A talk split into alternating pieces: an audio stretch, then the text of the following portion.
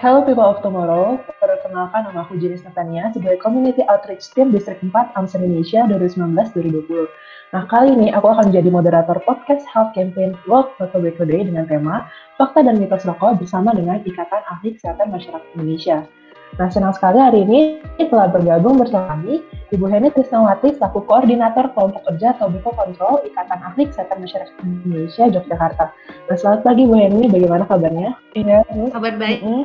Terima kasih sudah bersedia meluangkan waktunya untuk berdiskusi dengan kami hari ini. Iya. Ya, baik Bu. Sama-sama, terima kasih Mbak Ja. Senang bisa bergabung. Iya, baik Bu. Nah, bagaimana Ibu selama pandemi ini kalau boleh tahu kegiatan apa saja untuk mengisi waktu karantina? Kalau kegiatan sih sebenarnya karena COVID ini ya kita lebih banyak di rumah ya. Jadi misalnya perkuliahan juga dilakukan lewat Zoom ataupun Google Classroom seperti itu. Jadi kita lebih banyak melakukan aktivitas di rumah seperti itu. Baik itu perkuliahan ataupun kegiatan-kegiatan lain misalnya kayak rapat ataupun koordinasi dengan teman-teman di kampus itu kita banyaknya lewat ini ya dengan daring seperti itu. Hmm, iya Bu, harus selalu produktif ya Bu kita walaupun saat-saat seperti ini.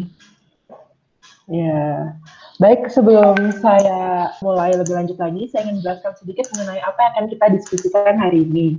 Nah, jadi kita sekarang membuat podcast series yang merupakan bagian dari kampanye. Iya, betul atau Hari Tanpa Tembakau Sedunia. Nah, tema yang ingin kita bawakan dalam kampanye ini adalah FCTC for Indonesia. Nah, FCTC itu apa sih? FCTC adalah singkatan dari Framework Convention on Tobacco Control yang merupakan perjanjian antar negara anggota WHO untuk melindungi generasi masa kini dan mendatang dari bahaya asap rokok. Nah, Indonesia merupakan salah satu negara penginisiasi FCTC ini. Namun, entah mengapa saat ingin diresmikan, Indonesia malah membatalkannya. Maka dari itu, tujuan dari kegiatan kampanye ini adalah untuk memperluas wawasan masyarakat mengenai permasalahan rokok di Indonesia serta solusinya melalui ACTC. Nah, Ibu Heni, seperti tadi kita sudah berkenalan, mungkin Ibu boleh menjelaskan lebih lanjut lagi mengenai profil, tujuan, serta mungkin aktivitas-aktivitas yang dilakukan oleh Ikatan Ahli Kesehatan Masyarakat Indonesia. Dipersilakan Ibu. Iya, terima kasih Mbak Jani. Panggilnya Jani ya, atau apa? Uh, maaf, Janius. Jenis ya, oke. Okay. Iya, ya, uh, IAKMI, jadi ya Ikatan Ahli Kesehatan Masyarakat Indonesia, khususnya di Jogja ini memang punya pokja khusus yang menangani mengenai pengendalian tembakau ya atau tobacco control. Dan ini memang baru pertama kali ini dilakukan di Jogja gitu ya. Mungkin kalau di IAKMI pusat sudah sudah sejak sudah lama ya ada pokja tentang tobacco control, tapi untuk yang di Yogyakarta sendiri tahun ini baru dimulai seperti itu. Nah, untuk kegiatannya sendiri maupun daerah untuk mendorong ya, mendorong kebijakan-kebijakan yang itu nanti akan bisa membantu pengendalian tembakau di Indonesia khususnya di Yogyakarta seperti itu. Misalnya kita melakukan inisiasi mengenai kawasan tanpa rokok ya. Jadi untuk program kerja dalam satu tahun ini kita fokus di daerah Sleman. Jadi untuk menginisiasi bagaimana terbentuknya KTR atau pelaksanaan KTR di seluruh sekolah di Yogyakarta, khususnya di Sleman dulu untuk tahun pertama seperti itu. Jadi lebih banyak mendorong atau membantu kebijakan-kebijakan yang arahnya memang untuk pengendalian tembakau seperti itu. Dan kami juga melakukan hmm, kerjasama dengan gitu dengan lembaga-lembaga profesi yang lain seperti PP, PPPKMI juga kami melakukan kerjasama dengan lembaga profesi yang lainnya. Baik Bu, terima kasih ya Bu atas penjelasannya, sangat luar biasa ya Bu. Baik, sekarang kita akan langsung masuk mulai ke inti dari podcast ini, yaitu membahas mengenai fakta dan mitos rokok. Ya, apa Bu ini siap? Jadi rokok itu merupakan salah satu zat berbahaya yang ya dapat kita hindari. Namun bisa kita lihat di lingkungan sekitar kita, bahkan banyak teman dekat kita maupun keluarga kita masih mengonsumsi rokok. Nah, bahkan kita juga tahu bahwa rokok itu merupakan faktor resiko dari berbagai penyakit. Ibu Yeni, sebenarnya bagaimana sih proses yang terjadi dalam tubuh saat kita merokok? Oke, baik. Jadi sebenarnya ketika seseorang itu merokok ya, itu artinya dia akan memasukkan zat-zat yang beracun ke dalam tubuh, ke dalam tubuhnya ya. Kita tahu bahwa dalam sebatang rokok itu ada zat yang namanya nikotin ya.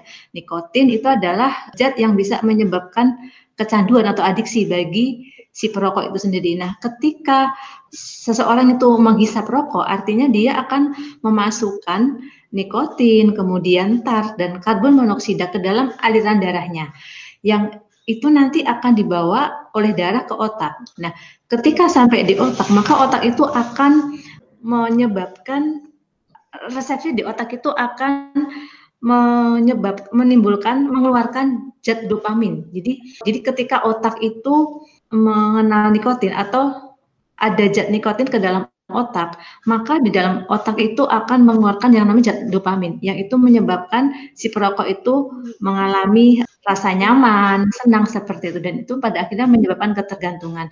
Nah, itulah mengapa ketika seseorang itu mencoba merokok, maka dia akan ingin mencoba lagi seperti itu, karena ada mekanisme yang membuat kecanduan perokoknya seperti itu.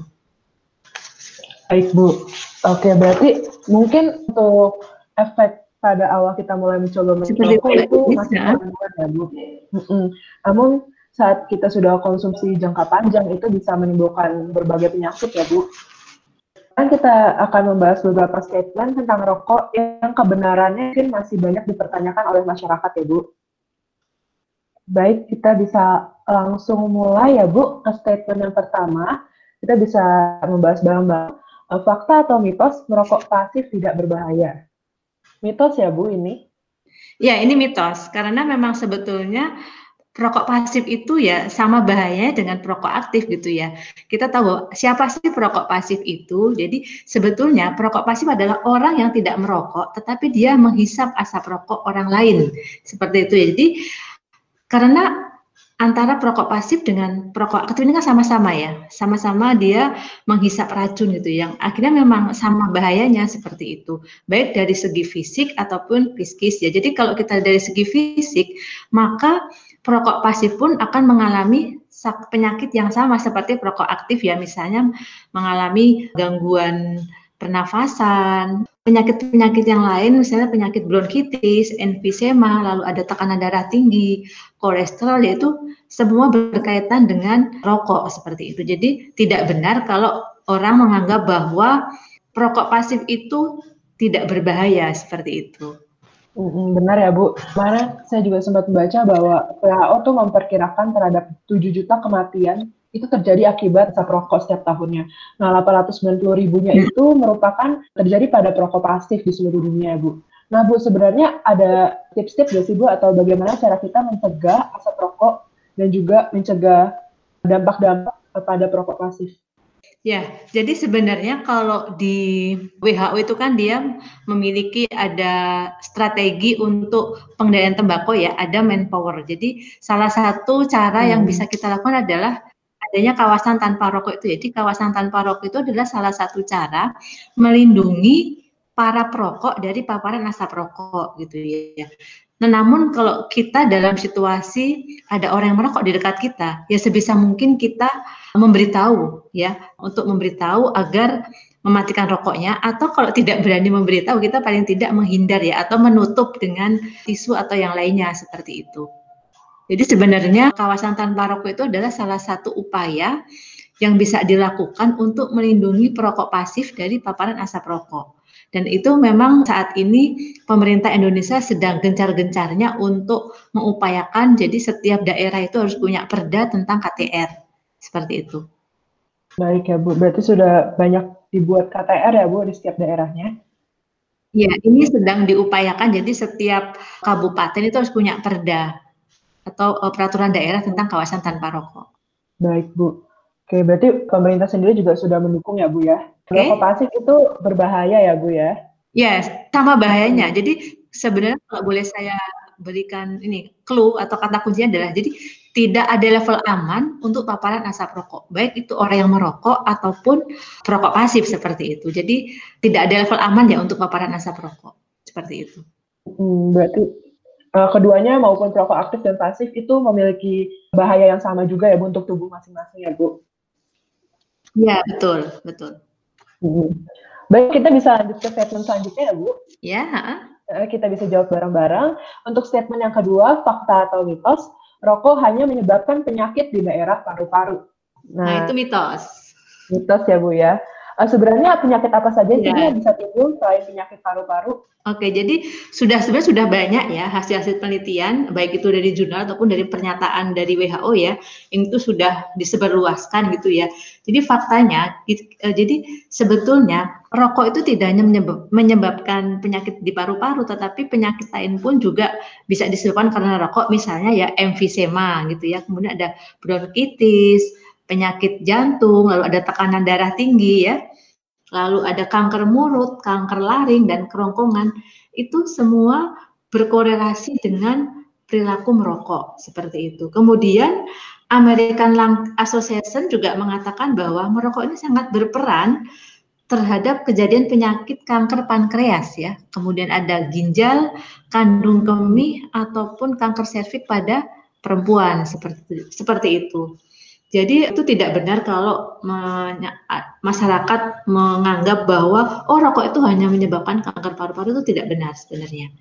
Baik, kita juga tahu bahwa kandungan-kandungan di rokok itu banyak yang mengandung zat karsinogenik ya Bu. Berarti menjadi faktor predisposisi yeah. untuk kanker di di seluruh organ manusia tidak hanya paru-paru ya Bu.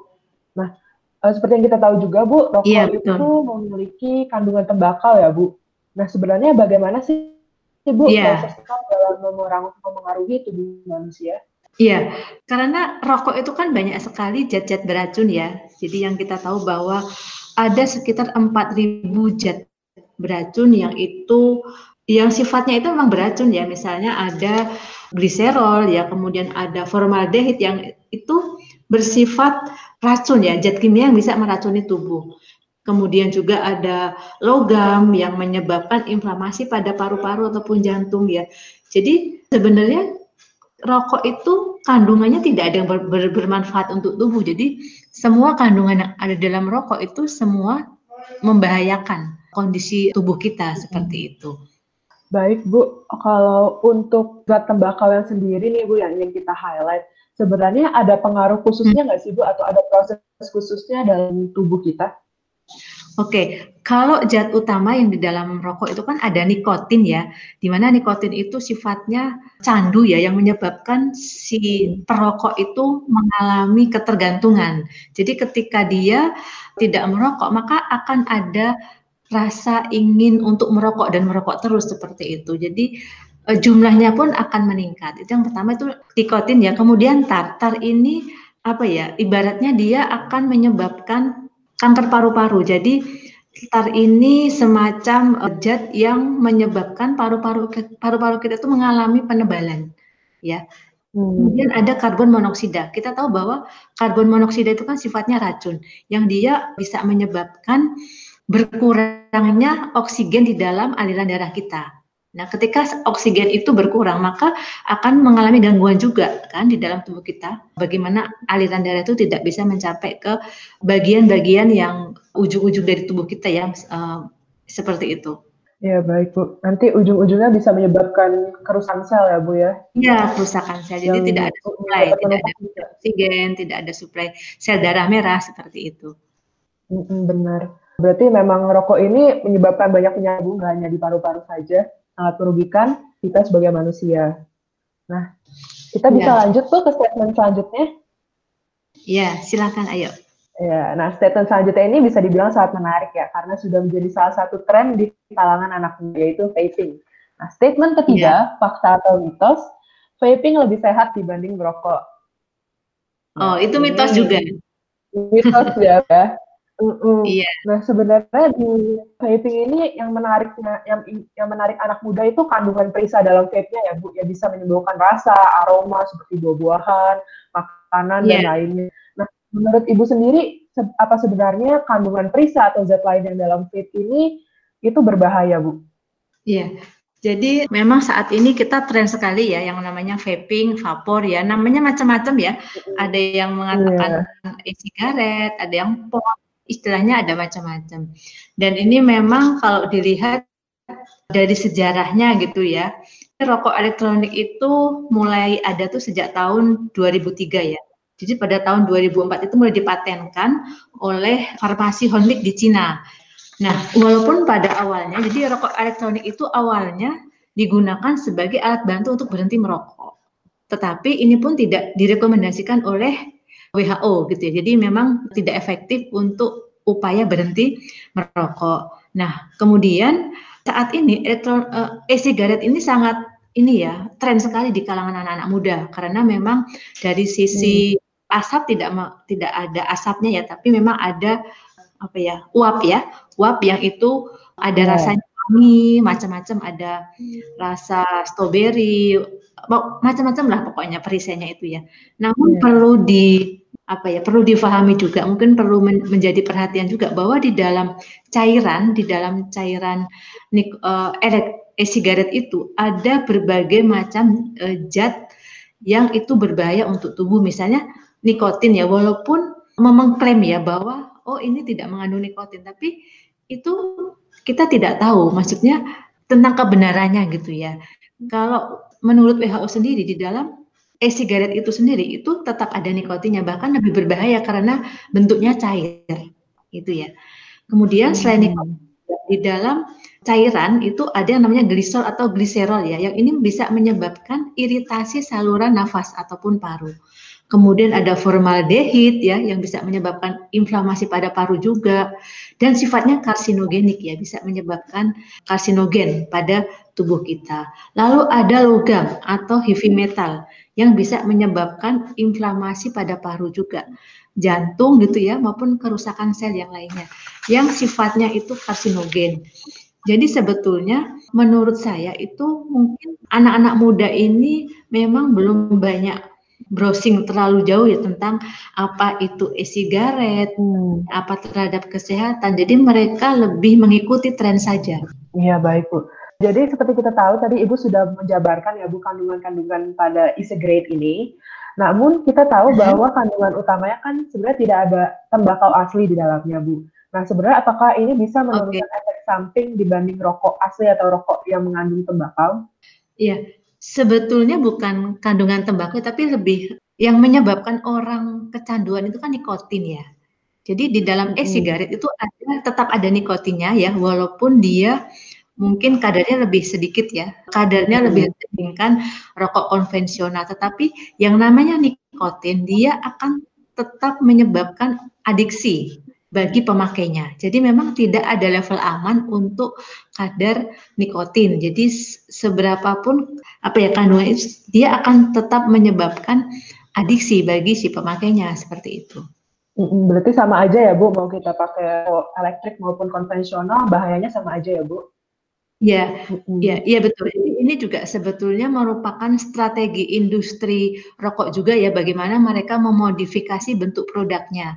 Kalau kita bicara soal rokok konvensional, ini kan negara asalnya Amerika ini kan sudah melarang ya untuk beredar secara luas, gitu. bahkan iklan pun dilarang gitu. Sehingga industri rokok ini memutar ataupun merubah strategi produknya yang wujudnya rokok menjadi e-sigaret yang di mana aturan ataupun aturannya itu belum jelas. Nah itu yang dimanfaatkan oleh industri rokok untuk memasarkan produknya seperti itu. Jadi salah satu strategi industri rokok untuk bagaimana memodifikasi produknya agar tetap dibeli oleh pangsa pasar seperti itu. Hmm, ya Bu. Kalau kita membahas tentang efek sampingnya, sebenarnya efek sampingnya itu dari vaping sendiri bagi kesehatan bagaimana ya Bu? Apa sebenarnya sama di rokok konvensional pada umumnya? Ya, sebenarnya kalau efek sampingnya itu juga sudah banyak, walaupun belum banyak yang melakukan penelitian ya. Jadi karena memang rokok elektronik ini kan baru-baru aja ya ngehitnya gitu ya. Tetapi kan dari WHO sendiri sudah merekomendasikan tidak layak dikonsumsi ya karena ini uh, punya efek negatif terhadap kesehatan ya. Tadi kan di kandungannya sudah jelas bahwa kandungan di dalam e-sigaret ini adalah ada zat-zat yang sifatnya karsinogen. Nah, karsinogen ini kan bisa menyebabkan kanker apa pun ya, baik itu mulai dari kanker paru-paru ataupun gangguan-gangguan penyakit yang lainnya seperti inflamasi paru ataupun jantung dan gangguan aliran, aliran darah dan lainnya seperti itu. Baik, menurut Ibu nih Bu, bagaimana cara kita meyakinkan orang-orang khususnya anak muda nih bahwa vaping itu juga berbahaya? ini tantangan ya buat saya mungkin paham ya yang mengetahui bahwa memang vaping itu punya dampak negatif terhadap kesehatan itu. Jadi emang ini kita perlu melakukan kampanye ya, kampanye kesehatan ataupun bisa melalui media sosial ya. Jadi kita mengkampanyekan sebenarnya apa sih e-sigaret itu kemudian ini mengenal lebih jauh lah. Jadi sebelum kita memberikan hmm. justifikasi bahwa e-sigaret itu tidak aman, kita harus mengenalkan dulu ke anak-anak muda ini bahwa ini loh e-sigaret itu terus kandungannya itu apa saja itu perlu disosialisasikan ya, perlu di, diberikan kepada anak-anak muda sehingga mereka paham apa itu e-sigaret, kemudian isinya itu apa gitu ya, itu perlu diberikan informasi ke anak-anak muda sehingga mereka paham oh ternyata ini kandungannya seperti ini gitu ya sehingga itu membahayakan, membahayakan tubuhnya, membahayakan kesehatan seperti itu. Jadi kampanyenya mungkin bisa lewat ya, media ya, Instagram ataupun Facebook atau lain atau yang lainnya, podcast juga itu bisa dilakukan. Jadi benar-benar kita harus tekankan ya Bu pengertian dari vaping dan juga kandungan dan efeknya pada anak muda ya Bu ya. Nah berarti ini iya. vaping ini sama aja Bu, nggak lebih sehat maupun nggak lebih buruk juga dibanding merokok sama saja ya Bu, sama-sama yeah. berbahaya. Ya, untuk statement keempat, fakta atau mitos, kerusakan tubuh akibat rokok bersifat permanen. Nah, itu juga mitos itu. Mitos ya, Bu. Kalau boleh tahu ya. uh, alasan Ibu tadi Ibu menjawab statement ini mitos, kenapa ya, Bu? Ya, karena faktanya ketika orang itu mulai berhenti merokok ya, pada ini berdasarkan riset juga ya penelitian-penelitian yang sudah dilakukan. Jadi pada 20 menit pertama ketika seseorang itu berhenti merokok, maka tekanan darahnya, kemudian denyut nadinya itu akan menjadi lebih baik seperti itu. Ya aliran darah itu akan menjadi lebih baik itu untuk 20 menit pertama ya. Kemudian 8 jam kemudian setelah dia berhenti merokok, maka kadar nikotin ataupun karbon monoksida itu akan berkurang setengahnya di dalam darahnya gitu. Kemudian kadar oksigen dalam darah juga akan kembali normal setelah 8 jam. Itu baru 8 jam loh ya. Kemudian kalau dihitung dalam satu hari, hmm. dalam satu hari CO atau karbon monoksida itu akan hilang dari dalam tubuh si perokok kalau dia berhenti dalam waktu 8 jam. Itu untuk itu untuk satu hari. Kemudian untuk dua hari nikotin akan hilang dari dalam tubuh setelah dua hari dia berhenti merokok. Kemudian juga indera pengecapnya akan menjadi pulih lagi, menjadi pulih ya dan lebih enak untuk mengkonsumsi makanan seperti itu. Lalu kalau dihitung lagi dalam satu bulan ini, dalam satu bulan penampilannya itu menjadi membaik ya. Kulit yang tadinya keriput menjadi lebih cerah gitu ya. Kemudian yang terpenting juga bulu getar di dalam saluran nafas ini akan tumbuh kembali. Jadi dia akan lebih sensitif atau merespon kalau ada zat-zat asing yang masuk ke dalam paru-parunya. Nah, itu. Kemudian gejala putus nikotin akan berhenti setelah satu bulan. Jadi biasanya perokok itu kan akan mengalami uh, withdrawal atau gejala putus nikotin itu misalnya ingin marah atau ingin selalu merokok itu itu akan berhenti setelah satu bulan merokok. Sembilan bulan batuk ataupun mengi ya atau sesak nafas itu akan berkurang dari si perokok. Nah, lalu dalam waktu lima tahun, resiko penyakit jantung koroner ini akan berkurang separuhnya. Eh, saya lanjutkan ya Bu. Iya. Yeah. Ya tadi Ibu sudah menjelaskan banyak sekali ya Bu penjelasannya sangat detail okay, ya. uh, mengenai mekanismenya ya Bu dalam tubuh kita saat kita berhenti merokok. Nah berarti kita bisa simpulkan bahwa sel-sel tubuh kita ini masih dapat beregenerasi dengan baik ya Bu dalam proses healing kita lepas dari rokok ini. Nah, ini juga merupakan harapan ya Bu, juga motivasi bagi banyak orang yang sebenarnya masih ragu untuk berhenti merokok ya Bu. Iya, betul, betul. Baik, kita bisa lanjut ke statement terakhir ya Bu. Oke okay, ya. Iya, baik. Nah, statement terakhir ini sebagai penutup dan statement ini bisa dibilang sangat kontroversial juga di Indonesia, yaitu statement terakhir yang kelima yaitu fakta atau mitos atau meningkatkan perekonomian negara. Ini menurut saya mitos. Bagaimana dengan Ibu Heni? Ya, ini juga mitos Mbak Jenis hmm. ya. Karena sebenarnya Walaupun rokok itu menyumbang devisa untuk negara ya, kita tahu. Tetapi sebetulnya dampak kesehatan yang ditimbulkan oleh rokok itu biayanya lebih besar dibandingkan hmm. devisa yang diperoleh oleh negara gitu ya. Jadi mengapa? Karena rokok ini kan sifatnya candu ya. Jadi masyarakat hmm. itu tidak mudah dia berhenti merokok ya. Dia akan menjadi perokok sepanjang masa ya. Yang ini menyebab dampak jangka panjangnya adalah mereka akan mengalami sakit-sakitan gitu ya. Itu kalau untuk yang usia, usia sudah tua gitu ya, mereka akan mengalami sakit yang itu nggak bisa sembuh ya. Nah itu yang akan menguras keuangan ya. Sementara saat ini kan rakyat Indonesia ini kan sudah punya yang namanya kartu BPJS ya.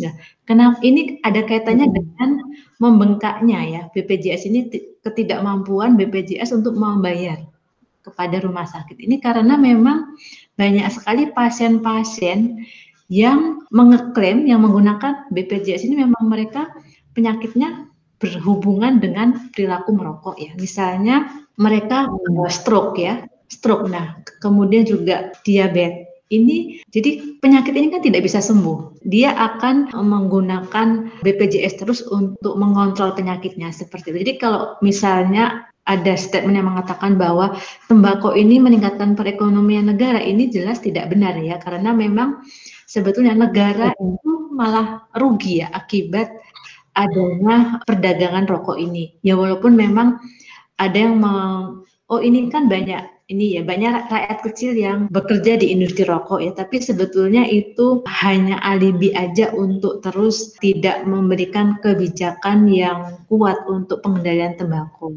itu. Karena kalau kita lihat ya, hmm. ini itu kan sifatnya adiktif. Jadi iya. masyarakat yeah. terutama ekonomi, ekonomi yang ekonomi bawah ini orang akan lebih baik merokok dibandingkan beli misalnya beli telur untuk anaknya. Nah, ini kan akan hmm. menyebabkan masalah kesehatan bagi anaknya seperti itu. Ya, baik, benar. Nah, saya yeah. juga sering melihat di sekitar saya ya Bu, seperti tukang angkot gitu ya Bu. Dari memperberat beban penyakit akibat rokok ya, dan bertambahnya angka kematian akibat rokok. Ah iya benar Bu. Bahkan ini dari Kemenkes ya tahun 2000, 2018 ini melaporkan bahwa kerugian makroekonomi akibat konsumsi rokok ini hampir 600 triliun ya, empat kali lebih Hmm. banyak dari cukai rokok pada tahun yang sama. Jadi kalau cukai rokoknya itu satu triliun gitu ya, maka dampak ekonomi akibat rokok ini malah 4 triliun. Jadi empat kali lebih banyak dibandingkan cukai rokok yang dihasilkan oleh industri tembakau seperti itu. Oke, baik. Baik, Bu. Menurut Ibu sendiri nih, negara, di negara kita untuk kondisi saat ini, uh, pemerintah sekarang tuh lebih condong ke arah mana ya, Bu? Lebih mementingkan ekonomi, industri tembakau, atau lebih mementingkan kesehatan masyarakat nih? Ya, sebetulnya memang ini kebijakan yang agak sulit ya, pemerintahnya dalam hmm. uh, mau mau yang mana gitu ya. Tapi kalau lihat hmm. kondisi sekarang ini memang sepertinya ini ekonomi lebih lebih lebih diutamakan gitu ya dibandingkan kesehatan masyarakat. Hmm. Sebenarnya sih pemerintah itu bisa melakukan upaya-upaya untuk mempercepat peningkatan status kesehatan masyarakat ya. Salah satunya adalah dengan menandatangani FCTC ya, dengan uh, mendorong hmm. Indonesia khususnya Bapak Presiden Jokowi untuk segera menandat, menandatangani FCTC. Karena kalau kita sudah menandatangani FCTC ini nanti kebijakan pengendalian tembakau itu lebih terarah gitu. Jadi lebih lebih mudah ke depannya. Walaupun memang ini tidak mudah sih seperti itu ya, karena memang masih banyak masalah lain yeah. yang perlu diperhatikan juga ketika masalah pengendalian tembakau ini didorong gitu ya. Tapi di luar lain juga pemerintah perlu mengendalikan sektor lain seperti misalnya pertanian tembakau itu perlu perlu juga dikasih alternatif agar para petani tembakau ini tidak terus menanam tembakau ya, misalnya diganti dengan sayuran seperti itu. Nah itu sudah mulai dilakukan hmm. sebenarnya. Saya juga sempat membaca ya Bu statement dari Presiden kita Bapak Jokowi mengenai FCTC ini. Bapak Jokowi berkata bahwa uh, beliau nggak mau sekedar ikut-ikutan tren atau karena banyak negara nih yang telah meratifikasi FCTC ini. Namun kita harus betul-betul melalui kepentingan nasional Indonesia. Nah, mungkin menurut pandangan saya memang Indonesia ini pandangannya mengenai FCTC ini memang belum terlalu memberikan sisi positif yang signifikan ya, Bu. Nah, sebenarnya Bu, eh, bagaimana sih cara kita meyakinkan masyarakat Indonesia dan juga khususnya pemerintahan tentang betapa pentingnya regulasi rokok dan salah satunya ikut serta dalam menandatangani FCTC ini. Iya, jadi kalau kita uh, pemerintah Indonesia nanti menandatangani FCTC maka kita akan didukung oleh dunia gitu ya. Jadi ada yang mengontrol. Jadi yang mengontrol pengendalian tembakau di Indonesia itu bukan hanya negara Indonesia sendiri tapi juga akan dilihat oleh negara-negara lain bagaimana pengendalian tembakau itu di Indonesia one atau political will di dalam meratifikasi FCTC ini seperti itu. Jadi memang komitmen kemudian masyarakat sipil serta organisasi masyarakat dan sektor swasta ini untuk melaksanakan kebijakan pengendalian tembakau itu perlu di, sangat dibutuhkan. Jadi adanya kerjasama dari berbagai macam pihak ya. Jadi tidak hanya orang-orang kesehatan saja, tapi juga orang-orang di sektor lain ini juga perlu mengendalikan tembakau. Oke, baik memang uh, untuk hal ini kita butuh kerjasama dari berbagai pihak ya Bu nggak hanya dari pemerintah saja tapi juga sikap masyarakat menanggapi isu rokok di Indonesia ini ya Bu. Iya iya iya. iya. Oke baik Bu, uh, lanjut ke pertanyaan selanjutnya ya Bu. Sebenarnya apa sih Bu regulasi rokok yang spesifik di Indonesia yang akan membaik setelah FCTC ini? Kalau kita bicara tentang soal regulasi rokok yaitu memang ada regulasi spesifik yang efektif setelah penandatanganan FCTC ini adalah gini, regulasi itu kan sebenarnya banyak pendekatannya banyak aspek ya. Jadi kalau WHO sendiri itu memperkenalkan empower ya. M itu adalah monitor. Jadi regulasi kan ya. Mulai karena kawasan tanpa rokok ini tidak ada meliputi tidak hanya tempat-tempat umum saja tapi ada juga sekolah, rumah sakit ya, tempat ibadah, tempat belajar dan lain sebagainya. Jadi setelah penandatanganan FCT jadi akan regulasi mengenai larangan iklan rokok. Saat ini yang paling gencar iklan rokok itu kan di hmm. media sosial. Ya, jadi karena memang anak-anak muda ini kan sekarang tidak bisa lepas dengan media sosial. Makanya iklan rokok itu sekarang banyak dilakukan lewat media sosial ya.